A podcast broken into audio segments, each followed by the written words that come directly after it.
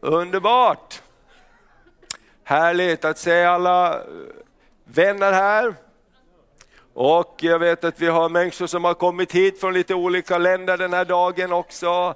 Och ni är jättevälkomna, alla ni som har kommit. Amen, och speciellt välkommen också hem till eh, Bert-Ove och Åri. Ska ni ställa er upp? Härligt, jättekul. De har varit borta nästan ett halvt år på resa i Asien. Men välkomna hem, jättekul. Och alla andra också, jättehärligt. Som sagt var så, så har vi många hälsningar från våra bröder och systrar i, i, ute i världen. Och vi har med också till fikat lite, eh, lite sweets från Georgia och Azerbajdzjan som ni kan få på, på kaffet som är lite extra, extra idag. Amen. Härligt. Eh, vi ska tala om uh, att du är mer än du tror att du är. Och uh, är du barn här så är det barnmöte som pågår också i gympahallen här bakom eh, väggen så är det barnmöte. Och, och, jag tror de flesta barn har gått redan men där är det barnmöte som pågår. Men du i alla fall, eh, jag fick det här till mig här idag, eh, eller när jag förberedde här under veckan, att du är mer än du tror att du är. Kan du säga det till din granne? Du är mer än du tror att du är. Amen. Du, du, ibland brukar vi säga till varandra, du ska inte tro att du är så mycket.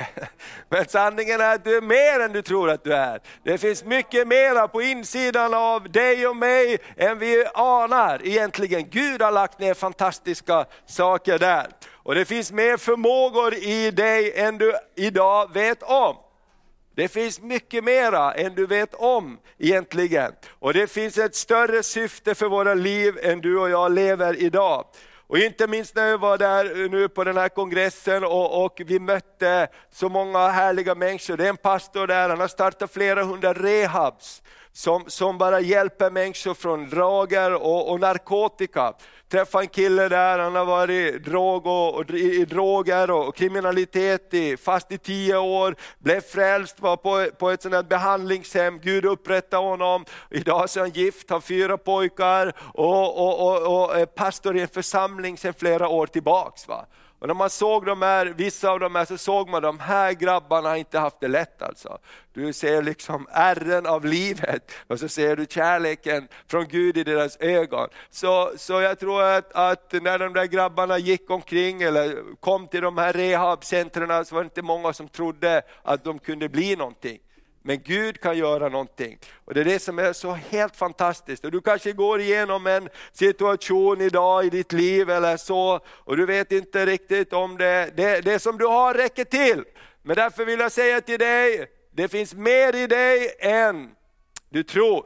Och eh, En bild här som jag tog i somras, där ute på vår stuga, så, så är det mycket gråa klippor, det är granitklippor och, och lite vid stranden där, vi, vi har vår brygga, på flera platser så växer det blommor rakt i berget.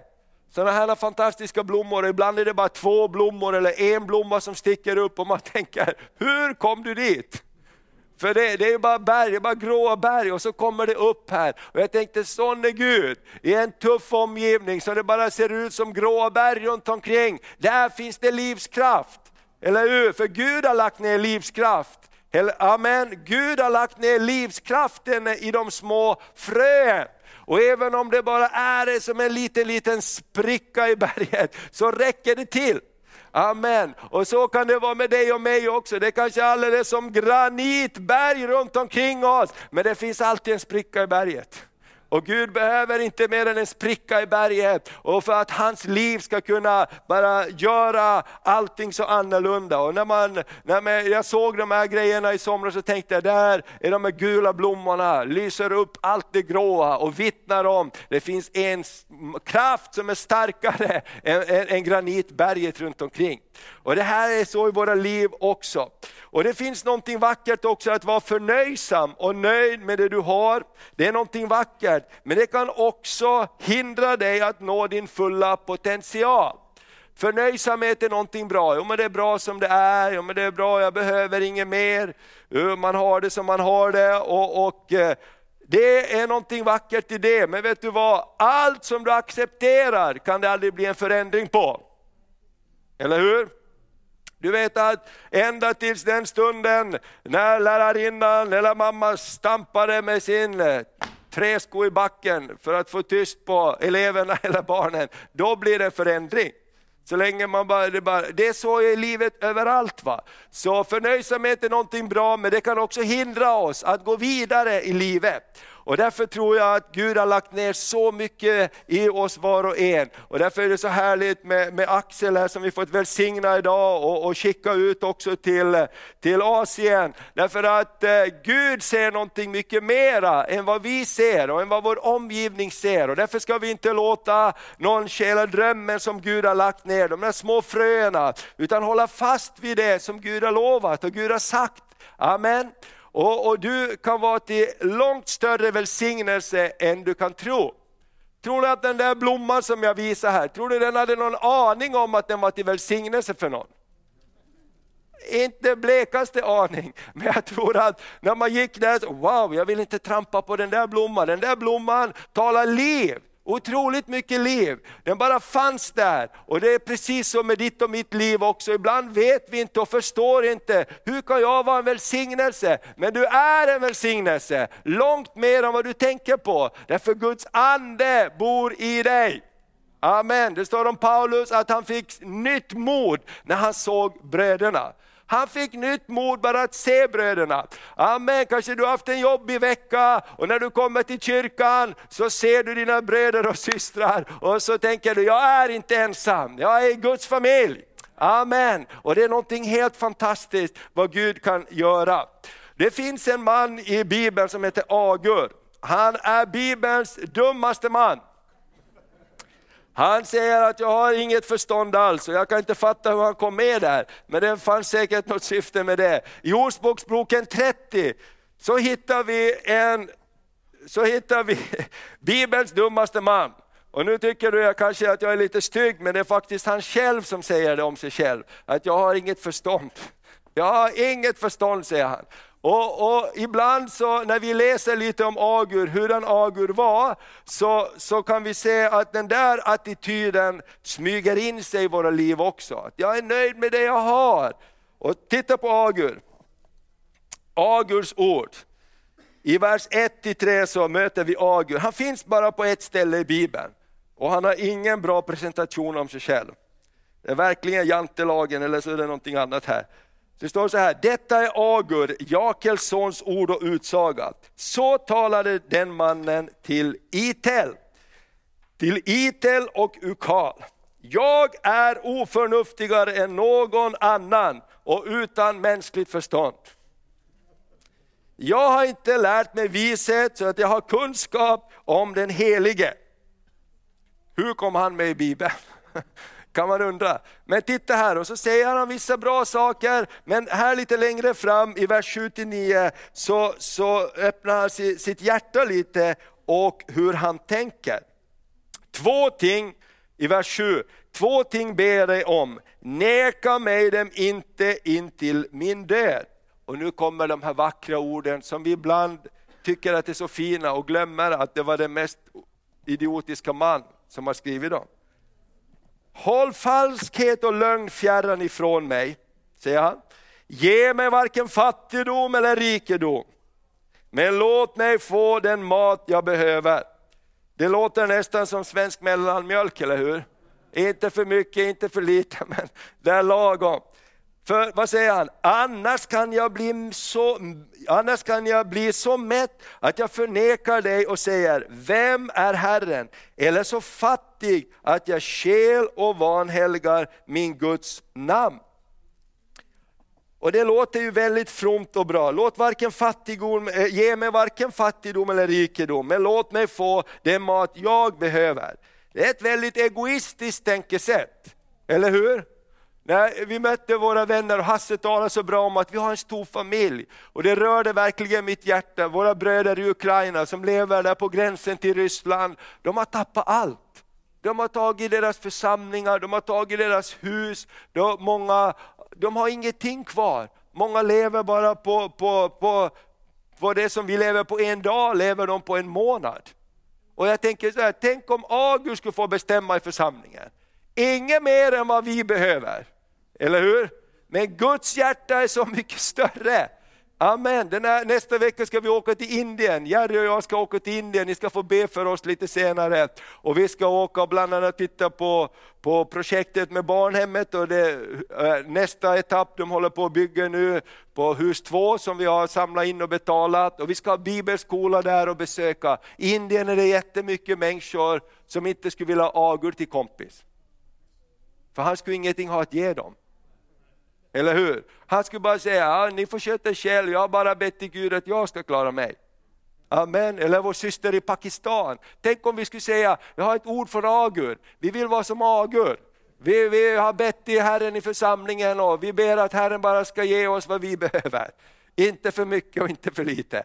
Visst är det väldigt själv, själv, själv vad heter det? själviskt, egoistiskt, ett vackert ord.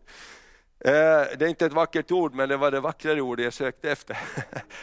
Egoismen kan verkligen stjäla saker av välsignelse från oss. Och därför tänker jag så här att låt oss tala om att Gud har lagt ner mera saker i oss än vad vi ser idag. Gud har lagt ner mera saker i den person som sitter bredvid dig än du vet om. Amen. Gud kan använda den som, dig eller den, den, dina, de som är runt omkring dig långt mycket mer än vad vi kan tänka eller tro. Och det är det som är så spännande. Eh, Gud skapar oss med ett syfte. Eh, han skapar oss med ett högre syfte. I första Moseboken 1 och 26 så står det att Gud skapar oss till sina avbilder. Till man och kvinna skapade han oss. Han skapar oss att vara välsignelser på den här jorden. Amen. Vi är inte skapade till någonting eh, andra klassens eh, individer eller varelser. Du min vän, du är skapad till Guds avbild. Amen. Det är inte dåligt. Halleluja! Du är skapad till Guds avbild. Gud bor i dig och när han formade dig så tog han av det han hade och så skapade han någonting vackert. Och därför ska vi bara tro att precis som Gud är så mycket mer än vad vi kan se och förstå idag, så har Gud lagt ner så mycket mer i dig än vad du kan förstå och se idag, just nu. Amen. Om du går igenom tuffa tider så är Gud där och han har lagt ner kraft i dig att övervinna på ett övernaturligt sätt. Och Bibeln säger att du är bärare av Abrahams välsignelse. Första Moseboken 12 och 3 säger att Herren sa till Abraham, jag ska välsigna dig och jag ska göra det till välsignelse för allt folket på jorden. Och i Galaterbrevet 3 och 13, vi ska öppna det. Galaterbrevet 3 och 13 så står det att du har fått den välsignelsen. Du har blivit välsignad med Abrahams välsignelse. Och det är någonting helt fantastiskt. Och du vet att Abraham han var i många svåra situationer. Och han visste inte riktigt hur han skulle komma ut dem ibland. Men han gick tillbaks till, jag är förbund med Gud. Gud har sagt att han ska välsigna mig. Gud har sagt att, att, att eh, ut ur mitt liv ska det komma välsignelse. Ibland så, så, så gjorde han misstag, men han kom tillbaks till de löften Gud hade gett honom. Det står så här eh, i vers 13 i Galaterbrevet 3. Kristus friköpte oss från lagens förbannelse, när han blev förbannad i vårt ställe. Det står skrivet, förbannad är var och en som är upphängd på träd. Vers 14, vi friköptes för att den välsignelse, kan du säga välsignelse? Abraham hade fått skulle Jesus Kristus komma hedningarna till del och för att vi genom tron skulle få den utlovade anden. Amen. Vi har fått Abrahams välsignelse. Vi har någonting med oss på grund av Jesus Kristus av välsignelse. Prisat vare Herrens namn. När du kommer så kommer välsignelsen. Jo men jag känner det inte så. Det där lilla fröet i granitklippan på, i Ålands skärgård, hur mycket tror du att det kände?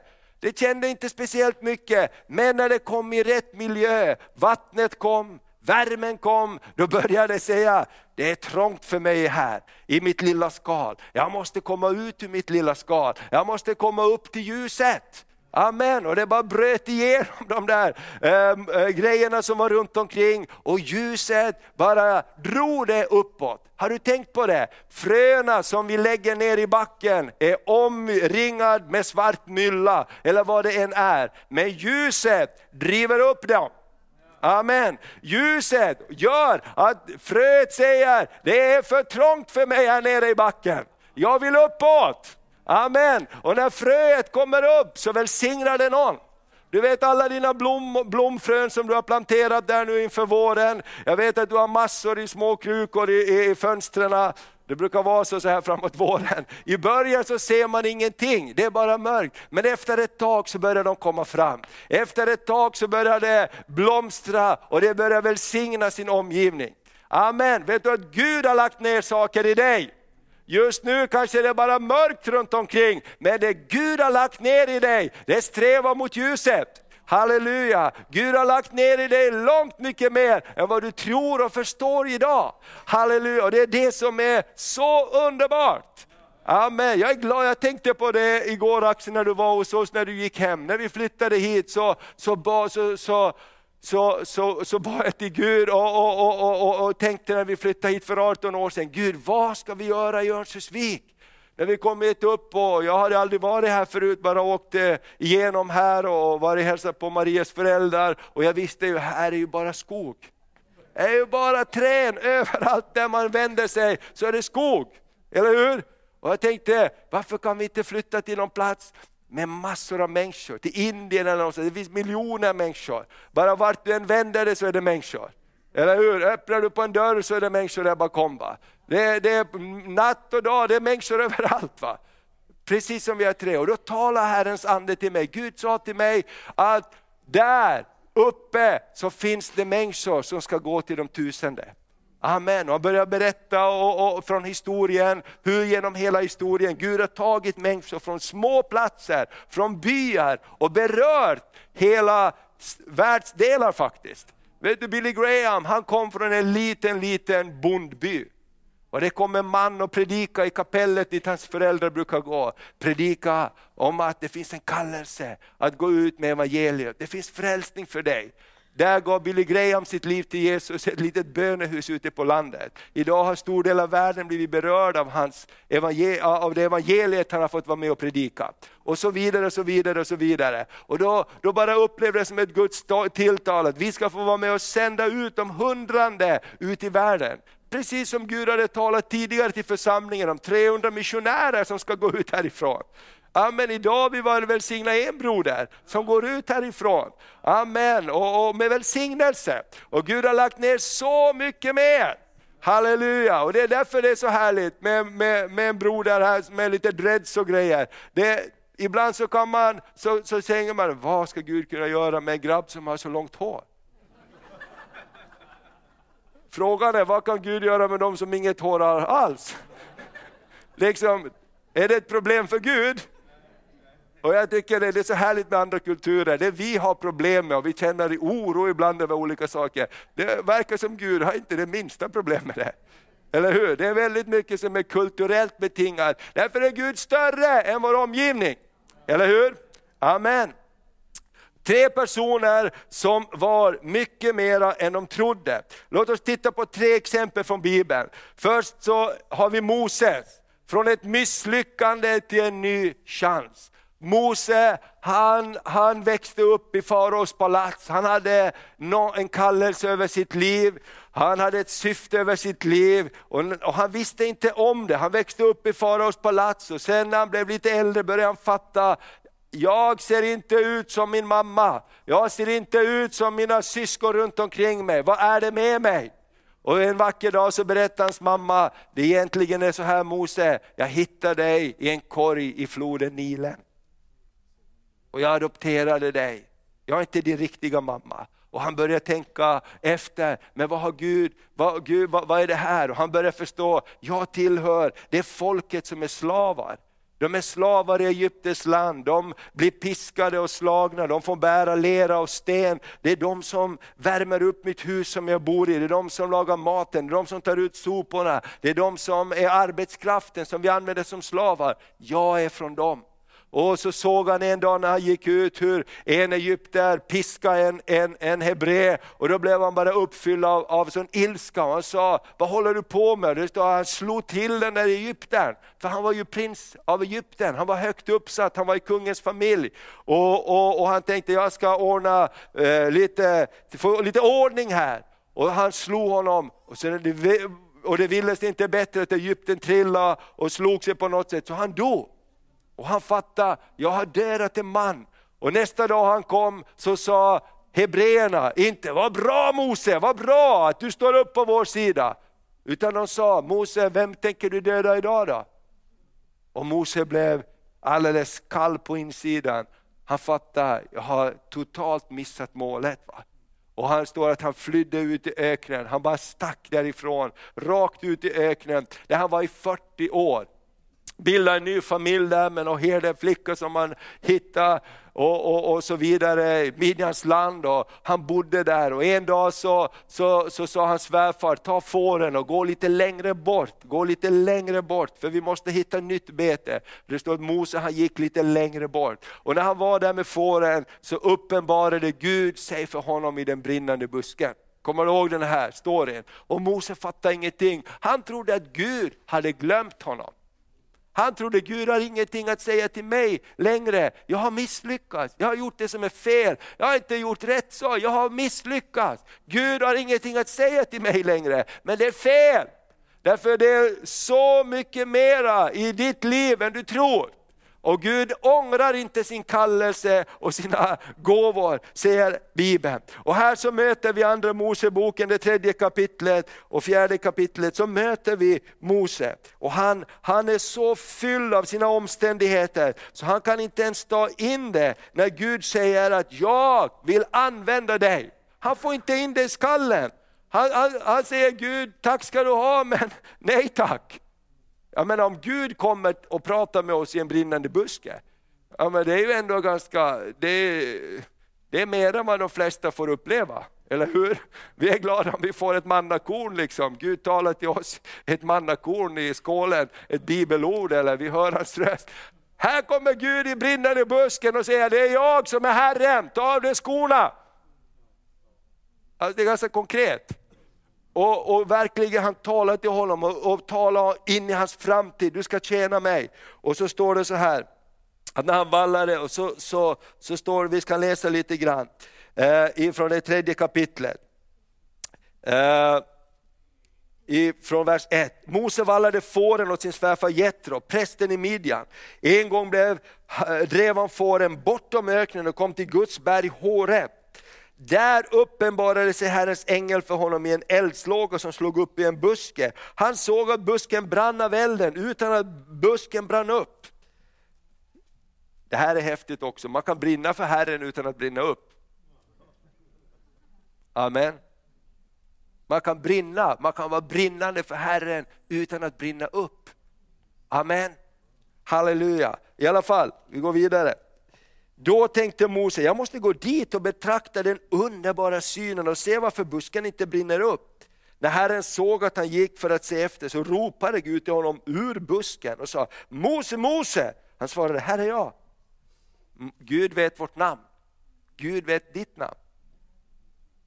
När eh, och, och, och han sa, Gud sa i vers 5, kom inte hit, ta av dig skorna, för platsen där du står är helig mark. Och han sa, jag är din fader Gud, faders Gud, Abraham, Isak och Jakobs Gud. Gud representerar sig alltid att jag är generationernas Gud. Tre generationer, jag är generationernas Gud. Och så säger han så här, jag har sett hur mitt folk förtrycks i Egypten och jag har hört hur de ropar över sina plågare. Jag känner till deras lidande. Därför har jag stigit ned för att rädda dem under Egypterna och föra dem från det land upp till ett gott och rymligt land, ett land som flödar av mjölk och honung. Det land där, det, där det bor kananéer, hetier, amoréer, persier, hiver och jebuséer. Och se, ropet från Israels barn har kommit upp till mig, så jag har också sett hur egyptierna förtrycker dem. Gå nu, jag ska sända dig till farao, du ska föra mitt folk, Israels barn, ut ur Egypten. Men Moses sa till Gud, vem är jag? Att jag skulle gå till farao och att jag skulle föra Israels barn ut ur Egypten. Mose är ett perfekt exempel på hur du och jag tänker också. Hallå Gud, vem är jag? Har du fel på GPSen? Du har kommit till fel person här. Vet du inte vem jag är? Fattar du inte att jag är misslyckad? Jag, jag, jag har gjort bort mig. Men Gud ser på ett annat sätt. Gud kommer alltid och ger en annan chans, för Gud ser till det han har lagt ner i dig och mig. Och det står så här att de håller på att prata om en massa grejer och Gud säger till Mose, jag ska ge dig kraft, du ska få en stav i din hand. Och med den staven ska du kunna göra under och jag ska visa att jag är med dig. Och han var så trög i alla fall. Så här i nästa kapitel så står det att eh, när Gud sa till honom, gå så, så talar du till folk folket och hälsa att jag är med dig. Och så säger jag, men jag kan inte prata.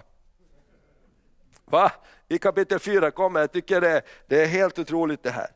Och, och, och så, så, så sa Mose eh, så här, eh, vers 10 i kapitel 4. Då sa Mose till Herren, efter alla de här undren och tecken som Gud visade att han kunde göra.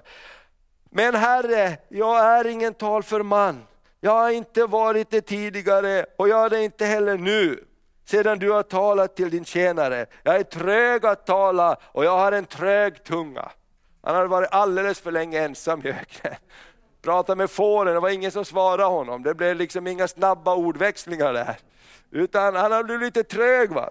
Och, och, och så sa Herren till honom, vem har gett människan munnen och vem gör henne stum eller döv, sen eller blind? Är det inte jag Herren? Gå nu! Jag ska vara med, jag ska vara med din mun och lära dig vad du ska säga. Men Moses sa, Herre jag ber dig, sänd ditt budskap med vilken annan du vill. Va? Snacka om att han var trög. Amen. Finns det hopp för dig? Nu vill jag höra ett starkt ja här. Finns det hopp för dig? Ja. Bra. Amen. Tänk om Gud bara skulle ta sådana exempel ur Bibeln. Herrens ord kom till honom och sa, yes, jag tar det, jag springer nu. Va? Alla nästan var jättetröga. Så till sist så säger han så här, jag tycker det är så skönt det här. Eh, vers 14, då upptände Herrens vrede mot Mose och han sa, har du inte din bror Aron, leviten, jag vet att han är en man som kan tala. Och se, han är på väg för att möta dig och när han får se dig ska han känna glädje i sitt hjärta. Du ska tala till honom och lägga orden i hans mun och jag ska vara med din mun och hans mun och jag ska lära er vad ni ska göra. Han ska tala i ditt ställe till folket, han ska vara som en mun för dig och du ska vara som Gud för honom. Du ska ta den här staven i handen och med den ska du göra dina tecken. Så det var inte jättemycket förutsättningar för succé här. Här kommer en som har varit i 40 år, han är väl nu uppåt eh, 80 år, 70 år, han är eh, 80 år faktiskt, den Mose här. Och hans brorsa är inte så mycket yngre heller. Va? Och han säger, jag kan inte prata, men min brorsa kan prata. Det var inget dream team som kom inför kungen. Va? När de kom tillbaks till farao och Aron sa, Gud har en hälsning till dig farao. Min brorsa Aron har pratat med Gud, men han vill inte prata så jag ska prata istället. Va? Tänk vad Gud kan använda, det är väl inte det häftigaste? Men tillsammans så kan man göra någonting. Det här tycker jag är en så härlig bild. Mose var ett misslyckande, men Gud använde honom i alla fall. Och han klarade det inte tillsammans, men då kom hans brorsa honom till hjälp. Amen. Vet du att det finns människor runt omkring oss som inte klarar av att få ut det de har fått i sig om vi inte hjälper varann. Amen. Jag är jättetacksamma för alla som sa till mig, Thomas nu ska du be. Aldrig i livet jag skulle ha bett om ingen hade nästan tvingat mig till det. Amen. Och jag kommer ihåg när man skulle vittna och säga någonting. Första gången jag vittnade i kyrkan, då hade jag varit på bibelskolan i Uppsala och jag skulle vittna när jag kom hem och jag tyckte inte alls att det var roligt att prata inför människor. Och så vittnade jag och läste några bibelord. Så kom en äldste bror och sa, fram till mig och sa, tack ska du ha men det räcker med en Ulf Ekman. Ja, det var bra. Halleluja. Nu kör vi på. Eh, och så kommer jag ihåg jag, jag, Håkan som var här förra, förra helgen, jag hjälpte honom, jag kände precis som han sa, Gud talade till mig när jag var ungefär 15 år, att du ska hjälpa honom. Du ska hjälpa honom i hans kallelse. Och jag, det var det jag gjorde under många år. Och jag var inte alls intresserad av att predika. Han sa alltid, Thomas ska inte du säga någonting? Ja, jag kan pålysa några böcker och göra några sådana grejer. Men jag ville aldrig, jag liksom ville inte predika och hålla på. Jag kan hålla på med allt det praktiska, du snackar, så sköter jag det andra. Och, och, och så gick det jättebra, ända tills en dag när han ringer från sjukhuset och säger att jag har fått, vad heter det, bältros eller eh, någon rosgrej eh, i kroppen och någon blodförgiftning och de släpper inte ut mig härifrån. Och vi hade en kampanj och vi hade hyrt eh, mitt i, i, i stan en stor hall och annonserat att sjuka blir botade. Och, och det var människor där, vet du, alldeles fullt med människor. Och vi hade team av musiker och grejer. Och han sa, du måste, du, Thomas, nu måste du predika, va? vi kan inte få hit någon annan. Va? va? Amen. Och då så är det bara så, Gud har lagt ner mer igen än vad man tror. Vad ska man säga? Då ska du alltid säga, gå, gå inte på några speciella grejer, utan gå på basgrejerna, baslinjespelet. Det är det som håller. va. Det finns en grej som alltid håller, och det är korset. va. Amen, tala om vad Jesus gjorde på korset. Försoningen på korset, förlåtelse på korset. Han bröt förbannelsen på korset och alla är välkomna på grund av korset. Jag kommer ihåg Sten Nilsson när vi gick på bibelskolan, han sa det, om du hamnar i en situation och du måste säga någonting och du inte vet vad du ska göra, säga, tala enkelt om korset, om Jesus. Och det räddade mig. Amen. Halleluja, och många människor. Det var ett väldigt speciellt tillfälle, därför att det var, inte alla var glada. Det kom in en häxa på mötet. Hon sa att hon var en satanist och en häxa, hon såg precis ut så också. Och hon satte sig på första raden. Det är jättekul. På första raden vill man ha någon som säger, kom igen, det är bra det här. Oberoende liksom, när man är jättenervös i alla fall. Och jag tänkte, vad ska vi göra? Vi vill inte ha en häxa som sitter på första raden och, och liksom läser sina ramsor. Va? Och hon ville inte flytta sig och det här var liksom fem minuter innan mötet och hela salen var full av jättemånga människor som inte kände Jesus. Och jag tänkte, vad ska vi göra? Va? Och då kom vi på en idé, jo men vi, vi tar, hämtar stolar från sidorummen och så gör vi några rader framför och fort fyller dem med andra folk här som kan sitta där. Va? Så då plötsligt så kom hon lite längre bak och priset var det här, det gick bra i alla fall. Amen. Men det var väldigt spännande. Men Mose tycker jag är ett bra exempel. Gud kommer alltid med en andra chans. Amen. Vi, vi skulle kunna prata länge om Mose, men vi pratar om en annan kille också. Han hette Gideon, lite längre fram. Han var också ungefär i samma klass med Mose, men Mose och Gideon de fick göra stora saker för Gud.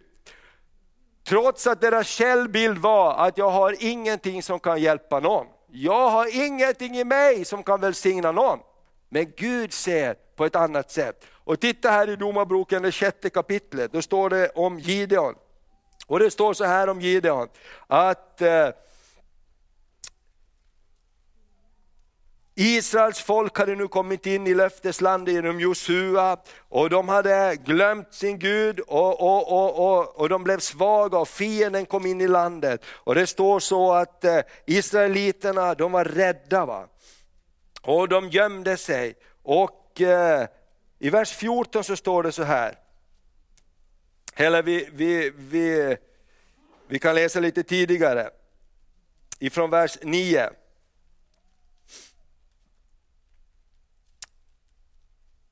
Jag har räddat er från Egypternas hand och från alla er förtryckares hand. Jag drev bort dem från er och gav deras land åt er. Jag sa till er, säger Herren er Gud, ni ska inte frukta för de här gudarna som dyrkas av amoréerna i vilket land ni bor. Men ni lyssnade inte till min röst. Och då så vek kraften bort ifrån dem.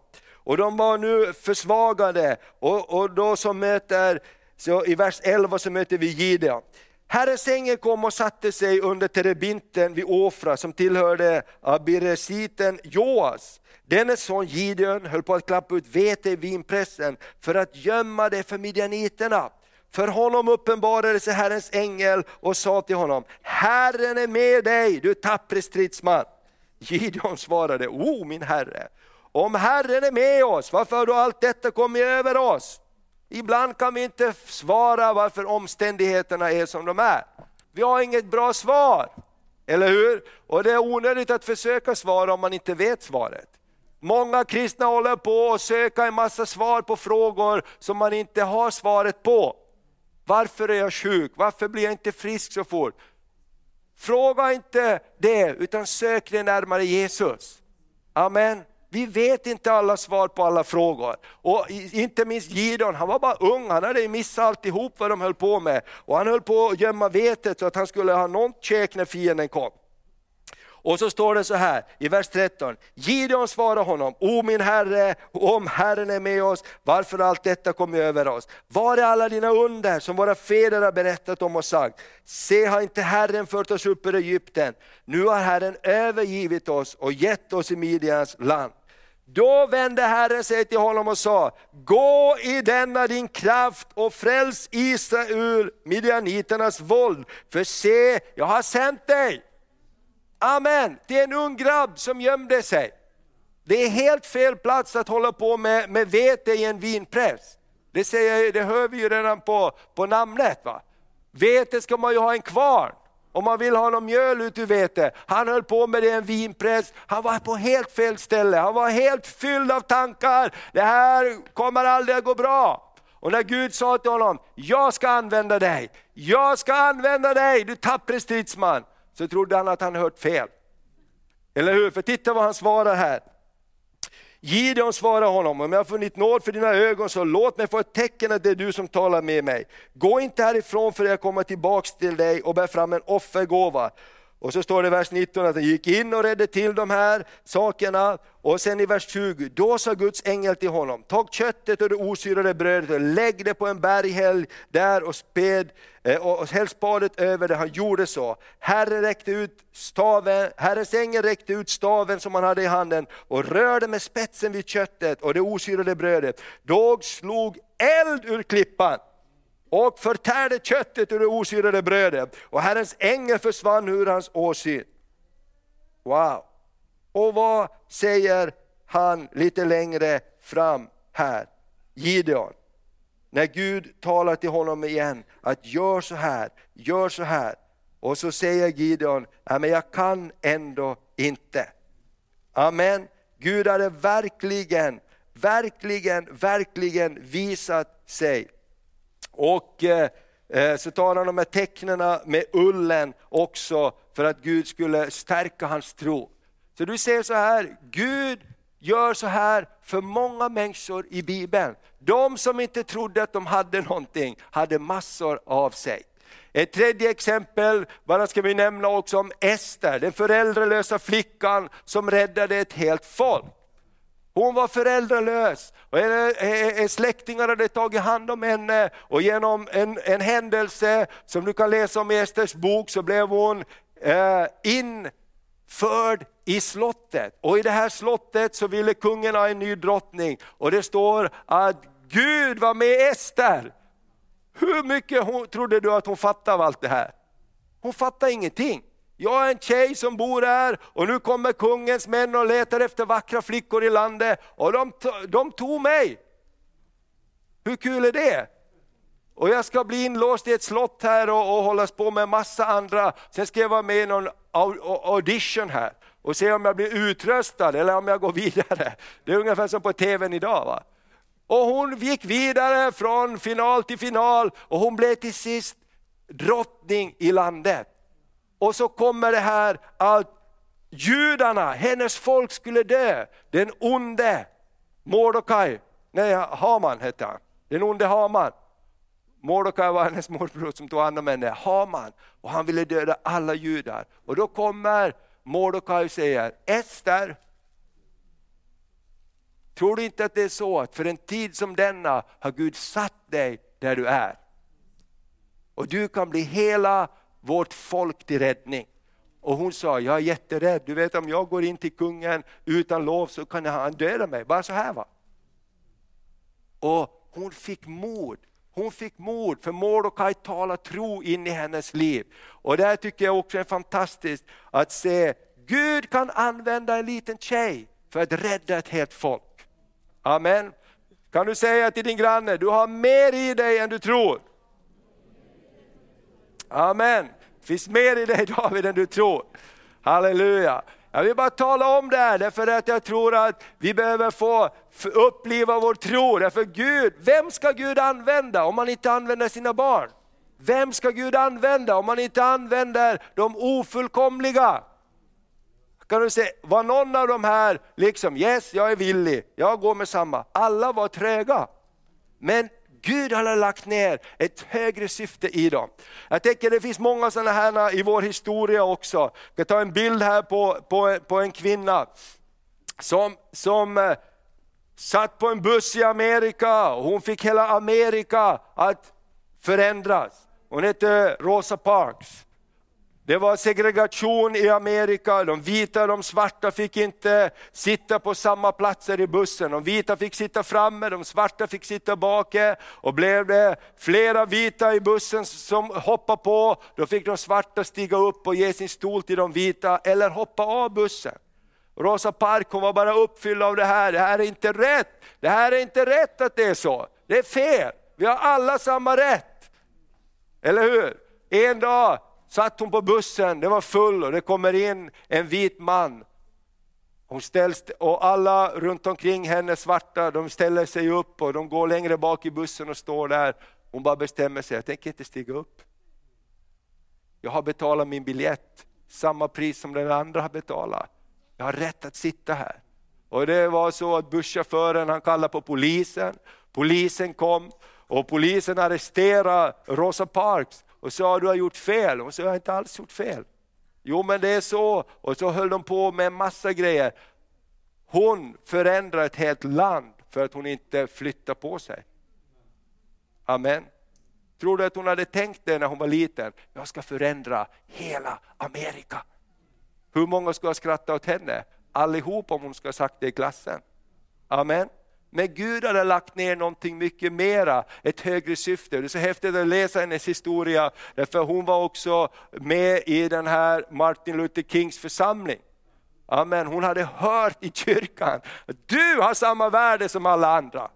Amen. Hon hade hört att Gud har samma respekt för alla människor. Hon hade hört sina tankar om människorätten, hade hon fått i kyrkan. Amen. Därför så är det så spännande när man går med Gud. Gud kan göra så mycket mera än vad vi tror, än vad vi vet om. Amen. Gud har lagt ner så mycket mer i oss. Och därför ska vi bara låta den här Guds tro befrukta våra hjärtan. Därför att det som Gud har börjat i våra liv, det vill han också fullborda. Amen. Så låt inte stolthet och högmod hindrar dig att göra saker när Gud, Guds ande talar till dig. Våga ta ett steg. Amen. Du vet första gången jag bad för någon som hade, för, för vi bad eh, tidigare ofta, vi, vi, skulle borde göra det igen, för de som hade problem i ryggen så kunde det ofta vara så att fötterna var olika långa. Och vi bad, bad och vi var frimodiga, vi tog en stol i ett möte, vi var med ett team och vi tog ett stol och sa, har, har du för korta eller långa ben? Gud vi bara fixar till det här. Va? Och jag kommer ihåg en kompis, vi bad för en person och det där benet började växa ut. Enda problemet var att det inte slutade växa. Det, det var så här mycket för kort, men det blev så där mycket för långt istället, åt andra hållet. Åh vad man blev skraj, Gud, Gud, Gud åh, åh, vad ska vi göra? Va? Vi på de andra i teamet, nu får ni komma och hjälpa oss här. Och sen var det ju någon klok människa som efteråt, Gud ville säkert balansera upp det där, när det har varit för kort så det började vara lite för långt så det rätade till sig i ryggen så blev det jättebra. Men, men man måste våga göra de där sakerna. Amen. Tänk om jag ber för någon, om vad, vad som händer eller om ingenting händer. Låt oss ta vårt kors på oss. Amen. Låt oss ta ett steg och göra det Herren har sagt. Några saker som kan hindra oss för att det som Gud har gett oss ska bli verklighet. Fastna inte på fel parkeringsplats i livet. Vi kör alla fel. Mose körde fel. Du kör fel, jag kör fel. Fastna inte på fel parkeringsplats. Amen. Ropa på hjälp om du har kört fast. Hur många har kört fast i en snödriva någon gång? De flesta som sitter här har kört fast. Kom du loss från snödrivan? Uppenbarligen. Väntar du till våren att snön smälter? Nej, de flesta ringer någon eller stoppar någon bil eller får hjälp av någon. För jag har kört fast. Tänk om vi andligt sett skulle vara på samma sätt. Nu har jag kört fast här, jag behöver lite hjälp. Va? Kan du be för mig? Kan vi prata en stund? Det du har behöver någon annan. Det du har behöver andra människor. Du är så speciell som du är, därför att det är någon som behöver någon sån speciell människa som du är. Eller hur? Tänk om alla var lika, vad tråkigt det är. Gud har gjort oss olika. Titta dig omkring, det är ju ingen som är lik den andra. Ja, Vi är från olika länder, vi är långa, vi är korta, vi är smala, vi är tjocka, vi har mycket hår, vi har lite hår. Vi är alla olika. Eller som det var en som sa, alla är normala tills man lär känna dem. Visst är det så med oss allihopa? Vi är olika, men man behöver ju någon som är lite olik. Amen. Därför har Gud lagt ner saker och du är som du är, därför det behövs. Låt inte stolthet och högmod hindra dig. Amen. Grevgubben och körkortet. Jag, tycker det här, jag tänkte på det här, när jag var barn så fanns det en, en man som körde grävmaskin. Och han hade en sån här grävmaskin som man hade förr i världen som inte hade någon frontlastare. Han hade bara grävaggregat där bak och så hade en massa tyngder där fram. Och när man kör då, och varje gupp så här, så gick alltid den här traktorn så här. Man såg när han kom, grävgubben, så här, traktorn i varje liten gupp på vägen, då gick framhjulen upp i luften, för han hade liksom ingen liksom, tillräckligt tyngd där bak. Va? Och han åkte runt och hjälpte och grävde åt folk och så. Och det är roligt. Och så sa han, nu ska jag ta körkort, jag ska köra bil, för han körde bara den där grävmaskinen och någon moped. Och sen då efter ett tag så var det bekant till mig, för han kom där och grävde och så frågade han, men hur har det gått med körkortet? Jag säger, du, har, du kommer inte med någon bil, du kör, du kör ju traktorn och mopeden här fortfarande. Så sa han, ja sa han, du ser, jag var där tre gånger sa han och, och, och skulle skriva det här provet. Men efter tredje gången så sa jag till dem, ska det vara på det här sättet så kan ni gott behålla ert körkort. Han misslyckades tre gånger, men han gick ut med huvudet högt. Ja, jag, jag, jag sa till dem precis som det är, ska det vara på det här sättet, då kan ni gott behålla ert körkort här på det här kontoret. Jag kan köra med min cykel eller moped. Va? Jag tänkte det, tänk vad stolthet hindrar oss ibland att komma in i det Gud har för oss. Amen. Eller hur? Tänk vad Gud var inte som Mose går 40 år i öknen. Va? Låt oss vara mjuka i våra hjärtan så Gud kan använda oss. Amen. Ditt syfte är större än dina omständigheter. Amen. Ditt syfte är större än dina omständigheter. Amen. Det kanske är granit runt omkring dig, men det finns en spricka i berget. Det finns en spricka i berget och det är nog för Gud att låta en blomma komma upp där. Amen. Om nödvändigt så bryt, byt miljö, kom in i rätt omgivning. Gör en plan för ditt liv, placera Jesus i centrum. Om du känner dig som en nolla, koppla ihop med han som är nummer ett och sätt honom först, då blir du en tia. Amen. Halleluja. Kanske du känner dig som en nolla, men Jesus är nummer ett, eller hur? Jesus är alltid nummer ett. Och när vi sätter han först i vårt liv, då är jag ingen nolla längre. Då är jag plötsligt en tia. Amen. Prisat vare Herrens namn. Det bästa ligger framför, det bästa har vi kvar. Vi ska be tillsammans, ska vi fira Herrens nattvard också. Herre, jag bara tackar dig för att du talar till oss och tackar att du kallar oss ut ur våra bekvämlighetszoner Herre. Du ser att vi kan vara som Mose, som Gideon, som Ester, att vi är inte villiga, vi är inte ens egentligen tillgängliga. Men Herre, tack för ditt syfte för våra liv är så mycket större. Och jag bara ber Fader, om någon har kört fast i livet, om någon upplever att det är bara som grå granit runt omkring, så tackar jag dig att det är en hälsning från Herren. Gud kan göra en spricka i berget, där kan nytt liv börja flöda fram. Jag bara tackar dig Gud att du har lagt ner eh, en skatt i var och ens eh, hjärta, i var och ens liv som lyssnar till det här. Du som lyssnar via radion. Gud älskar dig. Gud har lagt ner någonting dyrbart i ditt liv som, som du ska få vara till välsignelse för någon annan. Jag bara tackar dig för att fördömelsen är bruten i Jesus. Tack att det står i skriften att ingen som kommer till honom ska behöva stå där med skam. Och jag tackar dig om någon har misslyckats så ger du en ny chans. Jag tackar dig att du är så god. Jag prisar dig för det. I Jesu Kristi namn. I Jesu Kristi namn. Halleluja, halleluja. Ska vi stå på våra, på våra fötter en liten stund där och be tillsammans också.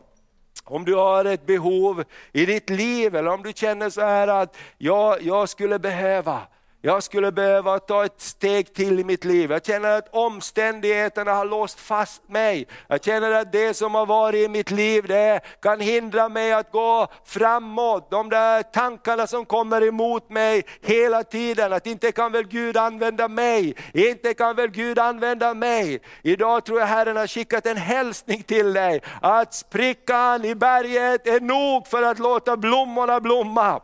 Och jag bara tackar dig Herre, om du är här och du bara känner det så i ditt liv, att jag behöver bara ta tag på nytt i Guds löften och Guds kärlek och nåd emot mig. Så bara lyft din hand när vi står i bön här just nu. Amen, bara lyft din hand inför Herren. Amen, Gud välsigne dig där du står. Gud välsigne dig där du står. Herren gör en spricka i berget för dig, i Jesu namn. Och blommorna ska blomma och du ska få vara till välsignelse för många människor. I Jesu Kristus Kristi namn. För Herren kallar det som ingenting är. Herren gör någonting av det som ingenting är och låter det bli till en vacker bukett som välsignar människor. Jag bara tackar dig för frihet Herre, genom Jesu blod. Jag bara talar ut frihet över var och en den här dagen. Jag tackar dig att, att den här förbannelsen är bruten och välsignelsen har kommit i Jesus Kristus. Jag bara prisar dig Herre för din godhet och nåd. I Jesu namn, i Jesu namn. Och jag ber Herre,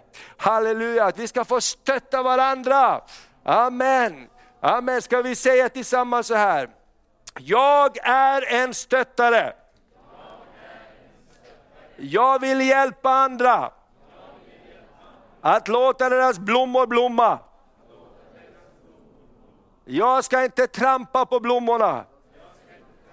Jag ska vattna blommorna. Jag vill vara en som talar liv. Jag vill vara en som talar välsignelse. Jag vill vara en som talar nytt hopp.